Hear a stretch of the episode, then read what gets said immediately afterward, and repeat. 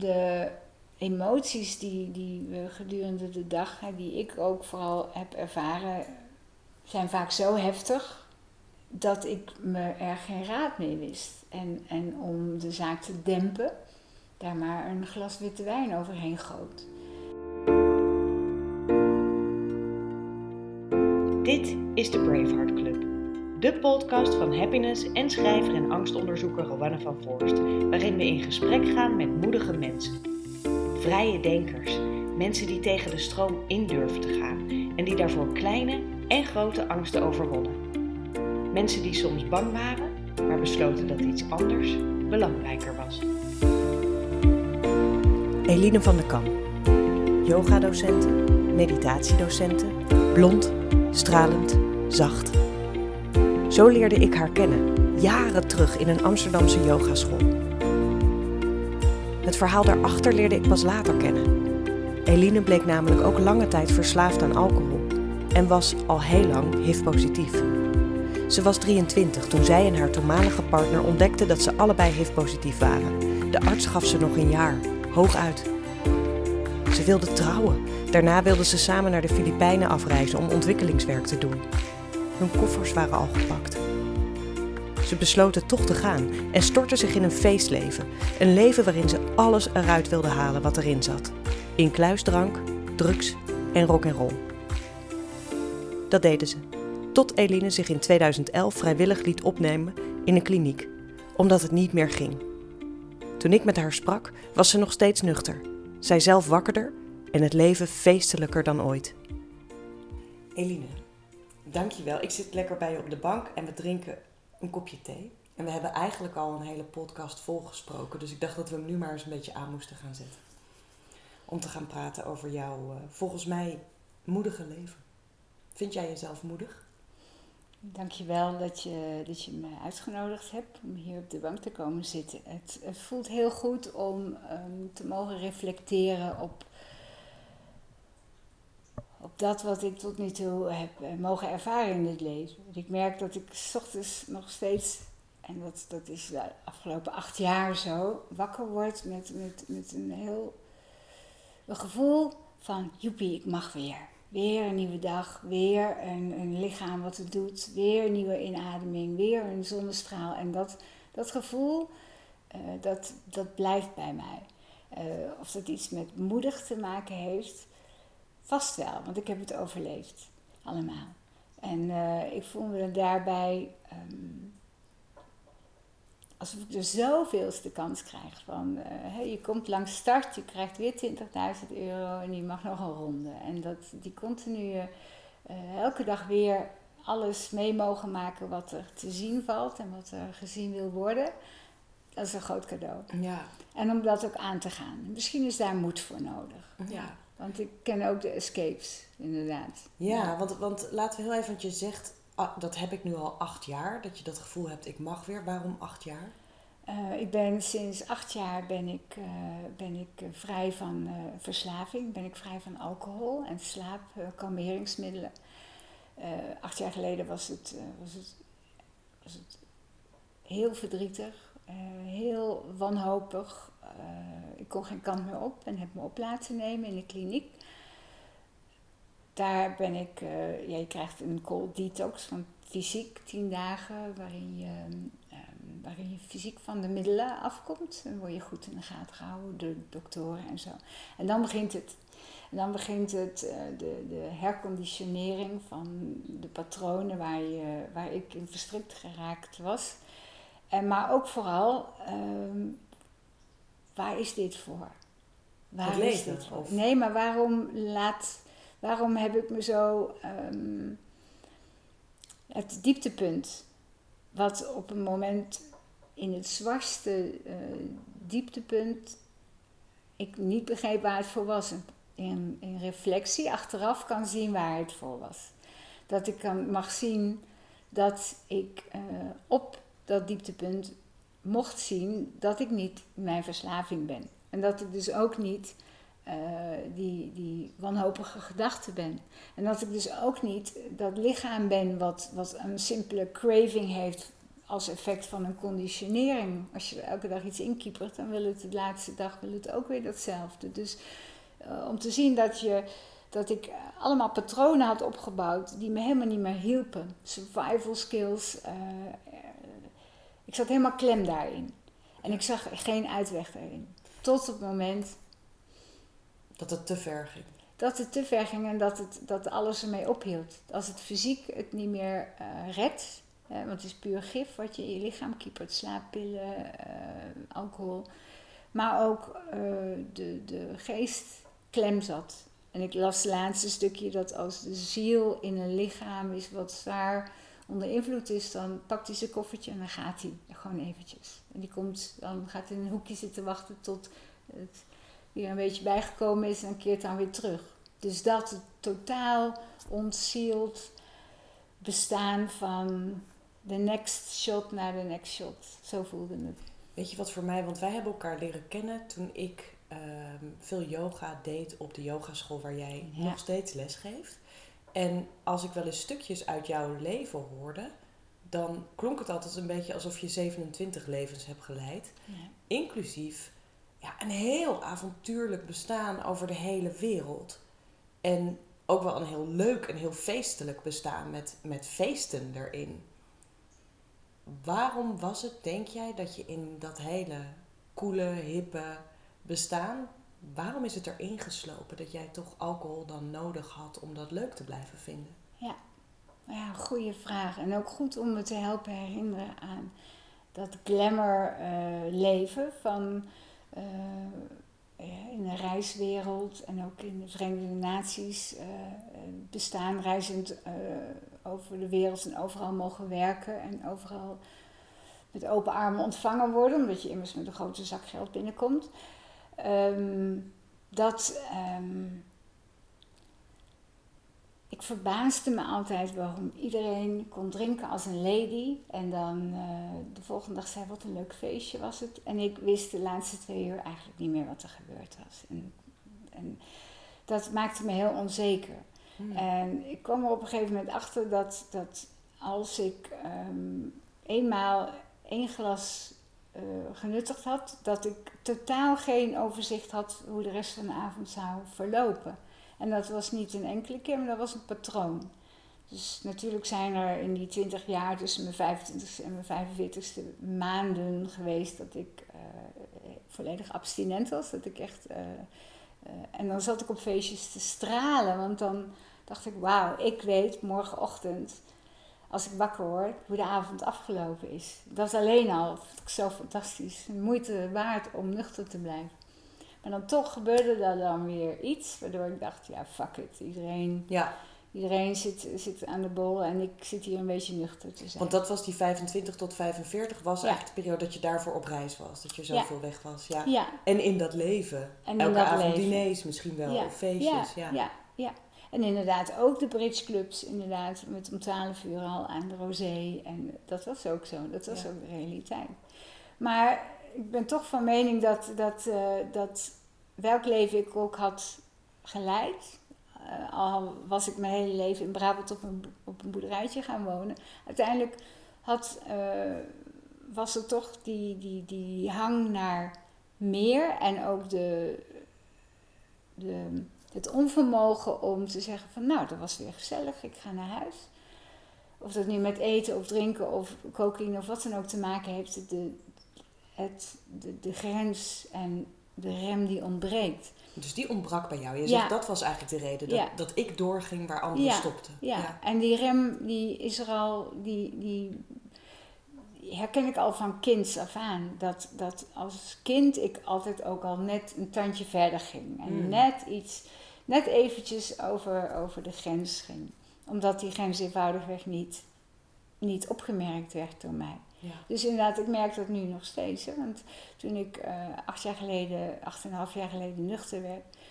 En uiteindelijk weer eh, als een soort herboren in dit lichaam weer dingen kon doen. Werd ik niet lid van één yogaclub, maar van twee yogascholen. En dan ging ik ook nog eh, tussendoor naar de sportschool. En was ik gewoon geheel obsessief. Geheel volgens, eh, zoals ik dat ook zou doen. Hè, met verschillende glasbakken ging ik naar verschillende yogascholen verschillende sluiters naar verschillende sportscholen. Dus het, hetzelfde extreme ehm, patroon kwam weer terug. Hetzelfde extreme en dus bijna ook, ja dat klinkt een beetje gek, maar bijna een beetje het stiekem, omdat het niet opvalt als je naar verschillende scholen gaat. Precies, ja. En toen ik dat herkende uh, en ook met eten uh, een enorme drang had om heel veel te eten, want uh, er gebeurde nog steeds, ik was enorm aan het afkicken van, van niet zozeer de fysieke gevolgen van alcohol en slaapmiddelen, maar meer van waar ga ik naartoe met al die energie. Dus dan dacht ik, als ik nu een kilo appels wegknaag, dan ehm, is het effect minimaal. Dat is minimaler dan wanneer je een slagroomtaart zou eten, bijvoorbeeld. Ja, dus dan, uh, dan at ik een kilo appels. En als ik dat dan um, vertelde aan uh, de, de, hulpverleners, die zeiden: ja, maar dat is net zo erg.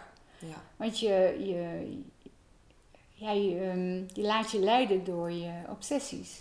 Ja, dus het, het heeft dan, ik kan me voorstellen dat je bij eten dan kijk naar, ja, maar je eet eigenlijk meer dan waarschijnlijk je lichaam aangeeft waar het behoefte aan heeft of zo. Dus je gaat, je gaat gewoon door tot de zak leeg is of zo, zoiets. Ja. ja, maar de behoefte van het lichaam, na twintig jaar verslaafd te zijn geweest, is daar weinig verbinding mee. Hmm. Dat voelde ik heel sterk. Dus daar heb ik de afgelopen 8,5 jaar de tijd voor gekregen om te leren voelen. Ja. Ik kon helemaal niks voelen. Als mensen zeiden, hoe voel jij je? Dan, dan schrok ik ook. Dan dacht ik, oh, maar wat moet ik nu voelen? Of als mensen vroegen ook in het pril herstel, hoe gaat het met je dan? Raakte ik in paniek, dacht ik, oh nu, wat moet ik nu gaan antwoorden? Ik heb geen idee. Dus je wist het echt niet? Ik wist het echt niet. Nee. Ik wist het niet, omdat ik het zo lang niet gevoeld heb.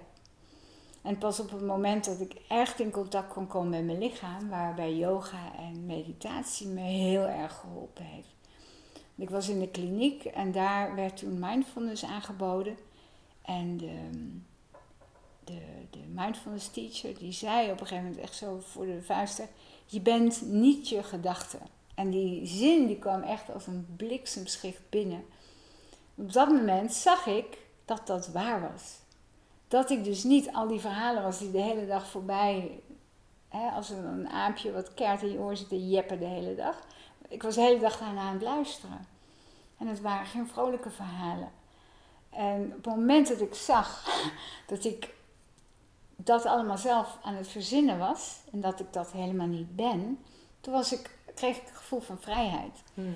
En, en voelde ik ook dat ik, uh, dat, dat ik, ja, het klinkt heel, heel raar misschien, maar ik had echt het licht gezien. En toen uh, ben ik ook naar mijn uh, hulpverlener in de kliniek, waar ik uh, fulltime zat, zes maanden lang heb ik daar gezeten. Heb ik ook gezegd, ik, heb het, ik snap hem nu. Het is allemaal niet, niet echt, dit ben ik niet. En hij zag dat het waar was. Dus toen ben ik ook gegaan een week later. Hmm. En dat was, een, dat was echt een, um, voor mij was het een openbaring. Want als ik heel even nadenk, hè, want ik bedoel, als ik mezelf ken met een beetje alcohol op, dan weet ik. Nou, we hadden het er net heel even over voordat de mhm. podcast aanging. Maar wat het doet bij mij, bijvoorbeeld als ik een beetje edgy terugkom van mijn werk, ik ben een beetje geërgerd eigenlijk. En ik schenk een wijntje in, dan wordt het heel gauw wordt het toch gezellig. En mhm.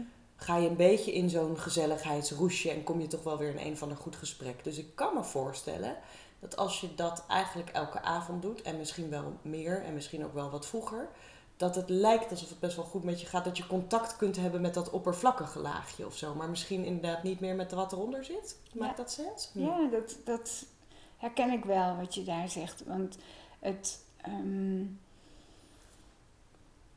ehm, ik kan me herinneren dat de laatste tien jaar van mijn actieve verslaving vooral ging om het upkeepen van appearances. Dus hm. het, het laten zien dat het goed gaat.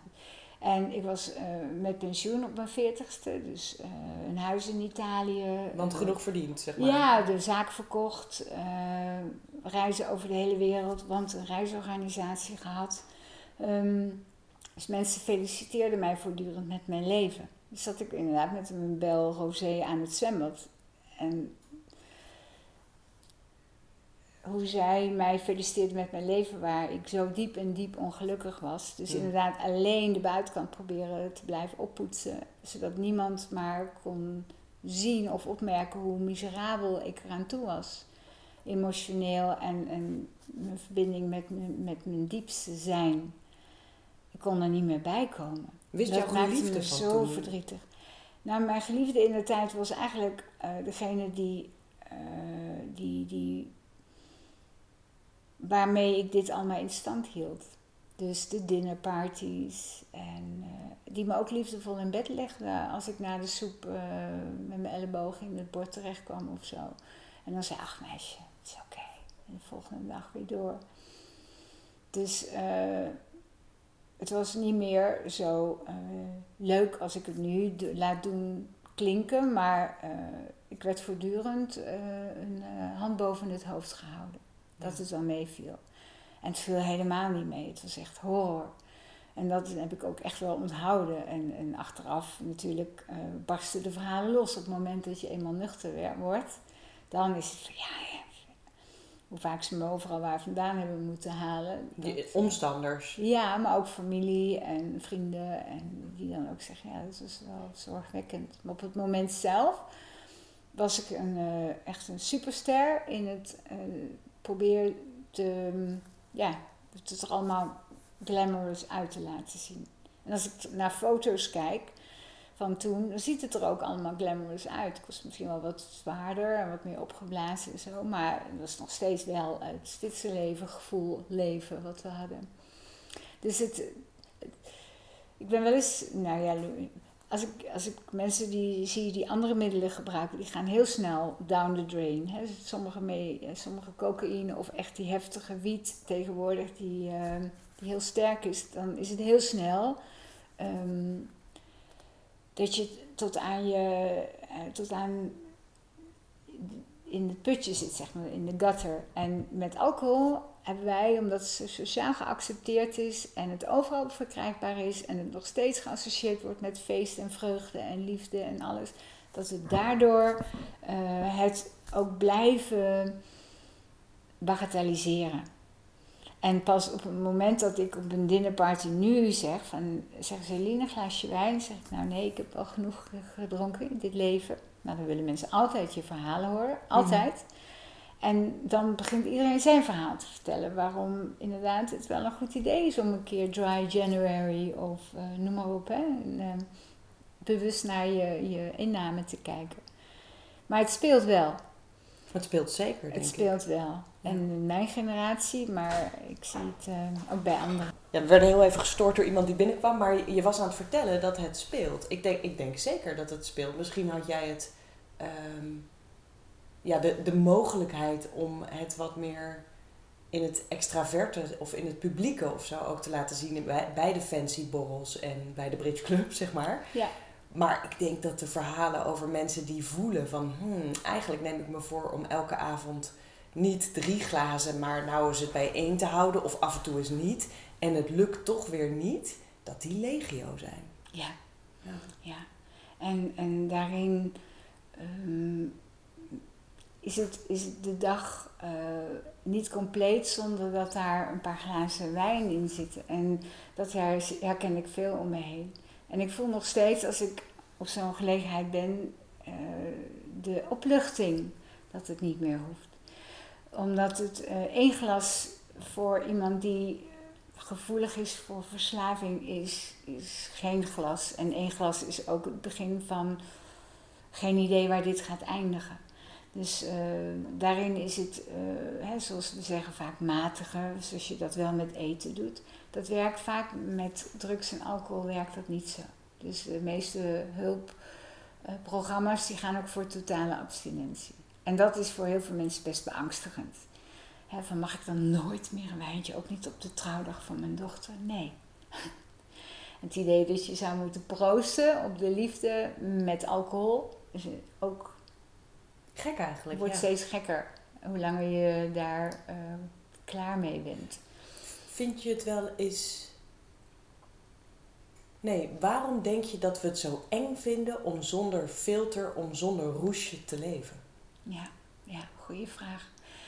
Om de emoties die, die we gedurende de dag, hè, die ik ook vooral heb ervaren,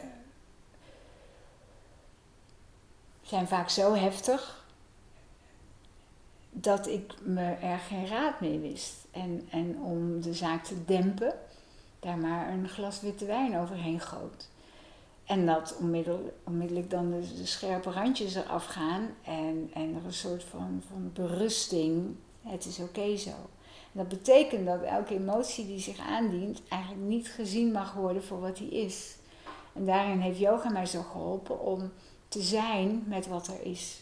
Dus niet, niet van, oh ik heb een voorkeur voor blijdschap, ik heb een afkeur voor verdriet. Daar komt rouw binnen, dat wil ik niet en ik neem dit. Dus we zijn voortdurend aan het managen.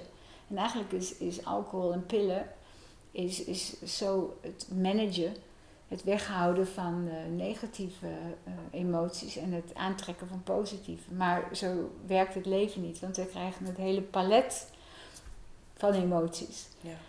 En op het moment dat we niet meer ons ego laten bepalen wat, uh, wat de voorkeur en wat de afkeer heeft, maar dat we er helemaal mee kunnen zijn en openstaan voor alles wat zich aandient, dan um, is er ontspanning. En dan is er ook acceptatie. Ik heb vier maanden geleden is mijn moeder overleden. Dan komt daar rouw. op het moment dat ik verdriet voel, als ik een fotootje van haar zie of een mooie bloem die ze prachtig vond, dan komt die rouw heel hard binnen. En die doet pijn, fysiek pijn in mijn hart. En nu kan ik dan mijn handen op mijn hart leggen en ermee zijn. Voorheen zou ik, zou ik daar een omtrekkende beweging in gemaakt hebben door te verdoven. Ik voel heel bewust dat ik er nu naartoe mag gaan. En dat het er kan zijn. Maar, want ik vind het prachtig, hè? Maar ik ga even een hele vervelende vraag stellen. Want stel dat Stel dat ik dus thuis kom aan mijn werk en ik merk, ik ben eigenlijk een beetje overprikkeld en ik ben een beetje geërgerd. En ik kom binnen en mijn partner is daar en ik vind bij wijze van spreken dat zijn eerste zin al een beetje verkeerd geformuleerd is. Weet je wel, dat gevoel. Mhm. Als jij dan zegt, nou ja, dat ben er maar mee, dan zou het dus kunnen dat je gewoon niet zo'n gezellige avond hebt. Dat het een beetje blijft wrijven, mhm. dat die frictie er blijft. Is dat dan waar we, waarmee we het moeten doen?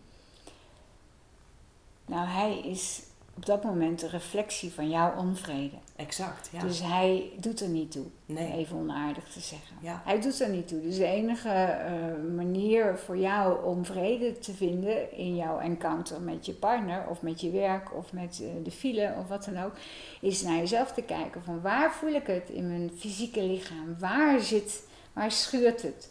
Als je dan een spanning in je schouders voelt, om dan uh, vooral meditatie heeft mij dan geholpen om er gewoon te voelen. Hoe voelt het dan?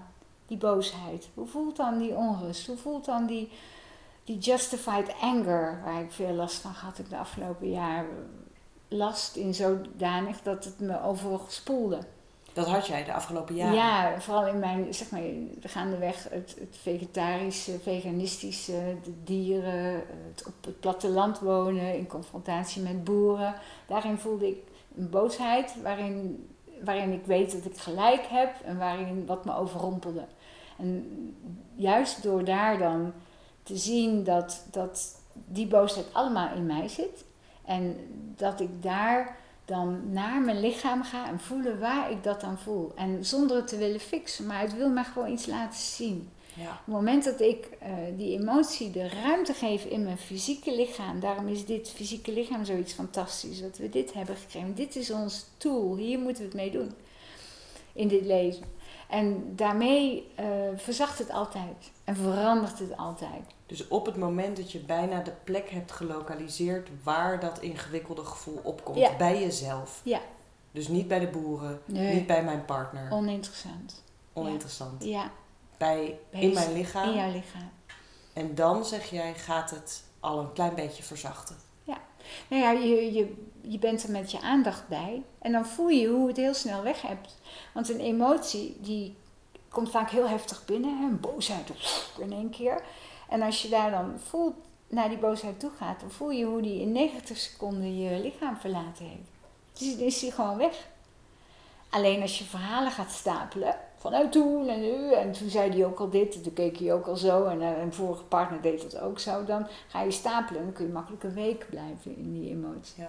Dus het is echt, um, um, ik heb geleerd in meditatie dat ik bepaal waar mijn energie naartoe gaat. En dat, dat bepaal ik echt zelf. Ik heb een keuze. Ik heb een keuze om in een, in een drama of een patroon of een oud verhaal of een angst voor de toekomst in te gaan. Maar ik heb ook de keuze om gewoon hier te zijn, om te kijken hoe het komt en weer gaat. Ja, dat is interessant, hè? want het klinkt zo anders dan wat je aan het begin zei. Namelijk, dan begon ik zo'n avond, dan nam ik één glas en dan eigenlijk was ik de controle over de avond kwijt. Ja. Ik gaf je eigenlijk weg aan de alcohol, want je wist bijna wel van, oh, dan heb ik blijkbaar meer gedronken, maar zoveel dat ik het niet meer wist. Ja, ja. ja tegengesteld. Heb je het wel eens eng gevonden om die stap te maken naar. Ben je bang geweest? Ja, zeker. Dus op het moment dat, ik, uh, dat het helder werd, um, toen, dan werkt niks meer. Mijn relatie werkte natuurlijk niet meer. Want we waren uh, partners in crime daarin. Hij was ook zeg maar, mijn dealer, zou je kunnen zeggen, de, de finoloog. En um, het leven zoals dat geconstrueerd was, werkte niet meer. Gewoon niks meer. Dus op dat moment, toen werd het echt afscheid nemen van, van alle patronen en omgevingsfactoren en mensen en, en die niet meer uh, dienend waren voor, um, voor het hart wat, wat, wat mij heel veel te vertellen had. Dus ja, dat, dat was, toen ben ik op een gegeven moment ook, ik zou tien dagen op een meditatieretreat gaan en ik had mijn rugzakje gepakt en ik dacht als ik nu de deur uitloop in mijn relatie, kom ik nooit meer terug. En op dat moment zei ik tegen, tegen mijn partner, Toemaals, uh, ik zeg ik, ik kom nooit meer terug. En ik had mijn rugzakje om en ik liep naar buiten en dacht, ik ga niet omkijken, maar ik kom nooit meer terug. En bij elke stap die ik wegdeed, wist ik, wat ik achterliet. De huizen in Italië, de reizen over de wereld, ehm, het comfortabele eh, leven. Maar ik voelde ook elke stap was een stap dichter bij naar mezelf toe. Zo voelde het was een. Ik weet ook precies waar en hoe en wanneer die stappen gemaakt werden. En toen lag ik s'avonds op een kermisbedje bij een vriendin. En toen was mijn mantra. Maar ik hoef niet onder een brug te slapen vannacht. En dat is die, die twee jaar daarna is dat mijn mantra geweest. Dus dat was zeker angst. Angst voor financiële onzekerheid, angst voor, voor dakloos zijn, angst om alles eh, te verliezen. Dus hoe, hoe, hoe vond je dan de moed of de kracht om die angst te overkomen? En vertrouwen. Vertrouwen dat, dat want op het moment dat, uh, dat ik me kon verbinden met, uh, met mezelf, was het eigenlijk ook een uitpakken geweest van alsof het universum had zitten wachten tot ik eindelijk onder die, die, die zware deken van verslaving was uitgekropen en, en me, kon, me, kon, uh, me kon laten zien. Hmm. En, dat is, en, en op dat moment ook, alsof we dus eh, twintig jaar hebben zitten wachten tot ik eens een keer klaar was met die onzin. Toen kon het ook binnenkomen. En toen kwam het ook met bakken binnen. Op alle mogelijke manieren, omdat ik helemaal... Ik had niks meer te verbergen. Want ik had geen patronen meer, want die deden het allemaal niet meer. Die had ik losgelaten. Ik had geen belemmeringen meer. Ik was heel kwetsbaar en open, want ik had ook niks meer te verbergen. Op dat moment kwam het ook, kwam het ook allemaal keihard binnen. En toen ben ik me helemaal in de yoga uh, gaan storten. En als je zegt het kwam allemaal binnen, wat kwam Het leven zelf. Het leven. Het leven. Als in kansen of in gevoelens die binnenkwamen? Het universum zoals het door, door, door een boom stroomt, zoals het door jou stroomt, zoals het, zoals het nu in deze ruimte, het leven gewoon zich voortdurend beweegt. En waar ik tot op dat moment um, in de belemmerende gedachten daar dan een grote uh, slot op maakt. Dus als ik denk, ik, ik ben verslaafd, ik denk, ik, ik kan geen kant op, ik ben waardeloos, het leven is verpest. Het zijn alleen maar verhalen. En die verhalen die, die blokkeren het kanaal. Het kanaal van het leven. Dus op het moment dat mijn ego besluit dat ik waardeloos ben, dan gebeurt er niks meer. Dan stagneert alles. Hetzelfde is op het moment dat het ego besluit dat ik de macht heb over alles en iedereen. Dan blokkeert ook alles. Want dan, dan belemmeren die verhalen dat wat je werkelijk bent. Dus uh, op het moment dat, dat niks meer in deze matrix het deed, toen kon ik uh, uh, voelen wat, wat er gezien wilde worden. En dat is mij vooral um, aangeboden um, in die, die, die korte tijd nadat ik dus eh, weg was gewandeld. En, en op een bedje ergens bij vrienden lag. eh, helemaal eigenlijk aan de ene kant down and out. In, in, in dat wat ik zogenaamd had opgebouwd in dit leven. Dat dat allemaal verkruimeld was. Aan de andere kant volledig vrij. En dat voelde heel krachtig. Ja. Wat is, denk je, je grootste... Ja, want we, we vatten even een leven samen. ja. Ehm, en dat gaat natuurlijk niet. Maar wat is je grootste levensles of inzicht geweest uit die transformatietijd? Ja. Ja, dat heel simpel, maar dat, dat onze, de manier hoe we in dit leven geboren worden, hè, als een baby die helemaal puur is, eh, we gaandeweg beschadigingen oplopen en ook patronen aanleren. Oh, zo doen we dat, conditioneren, wat wil je laten worden? Oh, oh. En dat we dus steeds meer verwijderd raken eigenlijk van, van de kern van dat wat we zijn. Op het moment dat ik dus eh, een goede schil om, om de kern heen gemetseld had, maar die barstte, want die, die deed het niet meer vanwege de verslaving. Toen kon het licht van de bron er doorheen komen en kon ik op dat moment zien wat ik werkelijk was. Dus vaak, uh, daar zit er natuurlijk ook nog een burn-out bij en zo, dus het hele... Uh, Want die kwam allemaal tegelijk. Ja, een levensbedreigende ziekte is daar voorbij gekomen. Dus, dus zowel de levensbedreigende ziekte als de burn-outs en um, de verslaving. Die lieten me op een gegeven moment zien dat alles wat ik aan conditioneringen, patronen en valse verwachtingen en beliefs, disbeliefs had opgebouwd, aannames, niet waar waren. En pas op het moment dat ik kon zien dat dat allemaal niet waar was, kon ik zien wat ik wel was. En dat heeft, dat heeft me het meeste geleerd. Dus dat uh, het vergaren van, uh, van, van spulletjes of het vergaren van, van uh, bepaalde rollen waarmee ik me dan misschien zou identificeren, dat daar, daar dus allemaal niet om gaat. Dus eigenlijk is de grootste levensles die je kan zeggen, is het realiseren wat ik allemaal niet ben, waardoor ik heb kunnen zien wat ik wel ben. Ja, dus e eigenlijk, dat is dan misschien wel, want ik vroeg aan het begin aan jou van, vind jij jezelf moedig? En ik vraag ook vaak aan gasten, wat vind jij moedig? Je raakte er al heel even aan. Misschien, misschien zou dat dan wel jouw antwoord kunnen zijn dat je durft te zien wat het echte verhaal is of zo. Of wat, wat de kern is, zoiets. Ja. Hoe zou je dat zelf formuleren? Um, wat vind jij moedig? Als... Um,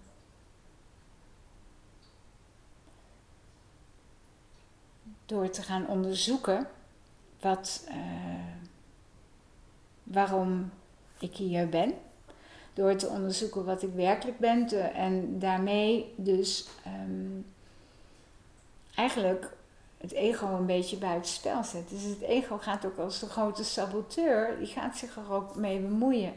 En uh, dat, dat, daar is wel moed voor nodig, want je verliest veel. Ja. Je verliest veel. Je verliest ook mensen. Ja. En je verliest ook een bepaald begrip. Je verliest ook financiële uh, onbezorgdheid. Want dat doet er allemaal niet meer toe. Maar op het moment dat je dat dus verliest en het doet er niet meer toe, maakt het ook niet uit. Dan is het bevrijding. Ja.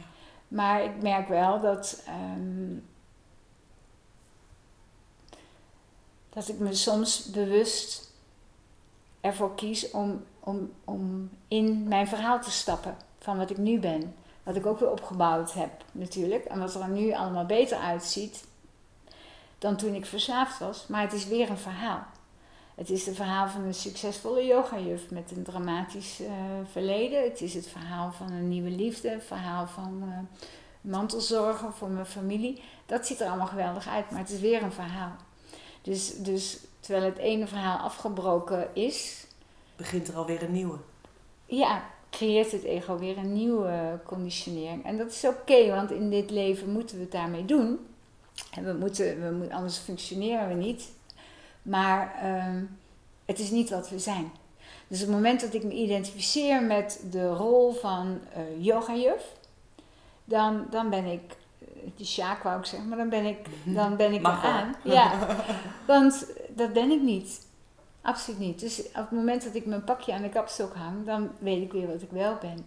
En op het moment dat ik me identificeer met de rol als mantelzorger, dan weet ik dat ben ik niet. Maar daar kan ik me wel in verliezen als ik dat heel serieus neem. Dat zijn allemaal die, die, die, schilletjes van die kern. Ja, die schilletjes van de, van de conditioneringen die wij ons, uh, uh, ja, die wij ons aanleren. Ja. Het is allemaal patronen. En het is oké, maar zolang we ons niet daarin verliezen en ook niet mee identificeren, is het helemaal oké om dat te doen. Maar daarmee hou je wel heel veel afstand tussen al die rolletjes die we spelen. Ja. En weten we hoe het is om ze ook weer kwijt te raken. Niks aan de hand. Ik heb nog uh, twee vragen. En dan ga jij zo weer een nieuwe les in. Je gaat weer een uh, mooie yogales geven. Um, de eerste is heel simpel. Wat je vertelde, wat je allemaal kwijtraakt. Je raakt vrienden kwijt, je, je raakt status kwijt. Kun je volmondig zeggen, het is het waard geweest? Of denk je ook wel eens, nou, er zaten ook echt wel voordelen aan dat ja, wel onder invloed leven. Ja, dat is mooi. Um, ik moet er soms wel om glimlachen. Als ik, als ik uh, oude albums zie of mensen tegenkom uit vroegere levens, denk ik, huh? Ging dat over mij? Oh, blijkbaar wel. Ik kan me er niet eens, bijna niet eens meer bedenken hoe dat was. Uh, het moment in die kliniek tijdens die mindfulness les dat die juf zei: Je bent niet je gedachten. En ik zag dat het waar was, was er geen weg meer terug. Onmogelijk. Onmogelijk. En uh, dus, dus ja, zeker. Het is het zeker waard. Want nu uh, is mijn geluk of mijn inner peace niet afhankelijk van externe factoren. Dus als zit ik in een tentje op de hei en het regent, dan kan ik volledig in vrede zijn met wat er is. Want ik weet dat, dat mijn geluk niet afhankelijk is van omstandigheden. Maar dat zit alleen maar in mij. Want door die bril kijk ik naar buiten. En dat weet ik omdat ik zo diep ongelukkig heb zitten zijn uh, naast het zwembad in Italië met mijn Belrosé. Dus ook daar, het gaat niet over de partner, het gaat niet over de file, het gaat niet over het zwembad, het gaat niet over de regen. Nee, nee. nee het gaat enkel en alleen hoe ik daarin sta. En daarin heb ik een keuze. En uh, ik ben zo dankbaar dat ik heb mogen zien dat ik een keuze heb. Ja. Ik heb een keuze om me te verliezen in mijn verhalen. En ik heb een keuze om, om boven die verhalen uit te stijgen en te zien dat het maar gedachten zijn en dat ik al die verhalen helemaal niet ben. En dan wordt het meteen stil. Heb je dat ook? Dat je dat voelt dat het meteen ontspanning is. Ja. Nou, volgens mij zijn het voor de meeste mensen, eh, we hebben er allemaal andere namen voor, maar ik, ik voel het altijd als een soort, als ik heel rustig en stil word. En dat kan ook zijn dat als je door het bos loopt of zo. Ehm, maar je neemt een paar uur of een paar dagen de tijd om tot stilte te komen, of bij schrijven heb ik het vaak, dat je een soort innerlijke wijsheid voelt die donders goed weet wat je wel en niet moet doen en wat er klopt. En wat er niet klopt. Dus ik kan me zoiets voorstellen. Ja. En heb je dan als je schrijft, als je achteraf uh, leest wat daar staat, dat je denkt, waar komt dit vandaan? Ik weet heel vaak helemaal niet waar het vandaan komt. En sommige onderwerpen dringen zich ook op dan denk ik, oh nee, daar wil ik helemaal niet over schrijven. Maar dan, dan is dat echt zo. Dat is het leven zelf. Ja. Nog, nog één laatste vraag. En dat is, ik begon eigenlijk met jou te introduceren dat je zo'n ontzettend avontuurlijk leven hebt gehad en veel buiten hebt gereisd. Of buiten Nederland hebt gereisd. En tegenwoordig, je bent de stad uit en je woont in een um, kleiner appartement. Dorpje in Limburg. Dorpje in Limburg terug naar waar je vandaan komt, ja. vlak bij je vader. Ja. Is jouw leven nog steeds avontuurlijk? Ja, ja. De, het ontwaken in de ochtend en dan daarin dat, dat soort kinderlijke uh, nieuwsgierigheid. Zo van, weer een nieuwe dag. En dat, dat, dat voelt zo avontuurlijk, want ik heb geen idee wat die dag gaat brengen. En ik sta open voor elke ervaring die, die zich laat zien. En dat is, um, is heel avontuurlijk. En inderdaad in een nieuwe liefde met, um, met ook, ook Het voelt af en toe, want ik liep, uh, we zijn de afgelopen dagen op pad geweest en toen voelde het, ik had een hele grote rugzak, maar er zat eigenlijk niks in. Er zat een, een mummie in en verder niks. En zo voelt het een beetje, dat ik nu, ik heb een grote rugzak, daar is, is veel gebeurd, maar er zit niks meer in. Er zit een dons, een mummie in, helaas vegan, maar um, ik torse niks meer mee. Dus, dus het, de, de, de openheid voor het avontuur van het leven zelf in dit moment, wat zich aandient, daar, dat, dat, dat is zo compleet en zo rijk. En daar hoef ik niets in te manipuleren. Dat kondigt zich aan en in bakken uh, wordt het over me heen gestort. En daar kan ik alleen maar heel hard om lachen en dankbaar voor zijn. Ja. ja. Dank je voor het delen van het avontuur. Ja, dankjewel. Dit was de Braveheart Club van schrijver en onderzoeker Rowanne van Voorst in samenwerking met Happiness. Met deze keer te gast Eline van der Kam. Wil je meer te weten komen over Eline? Kijk dan even op happiness met een z.nl slash braveheart. Daar vind je de podcastnotities met linkjes daarbij. En wil je meer Bravehearts horen over de thema's moed, hoop, angst en de levenslessen die daarbij horen? Abonneer je dan vooral op de podcast in de iTunes van je telefoon of in Spotify. En we zijn heel blij als je ons een goede review wilt geven of wat mooie woorden wilt schenken. Want hoe vaker dat gebeurt, hoe makkelijker deze gesprekken te vinden zijn voor andere luisteraars. Dankjewel voor het delen van de inspiratie en voor je aandacht. Tot de volgende Braveheart Club.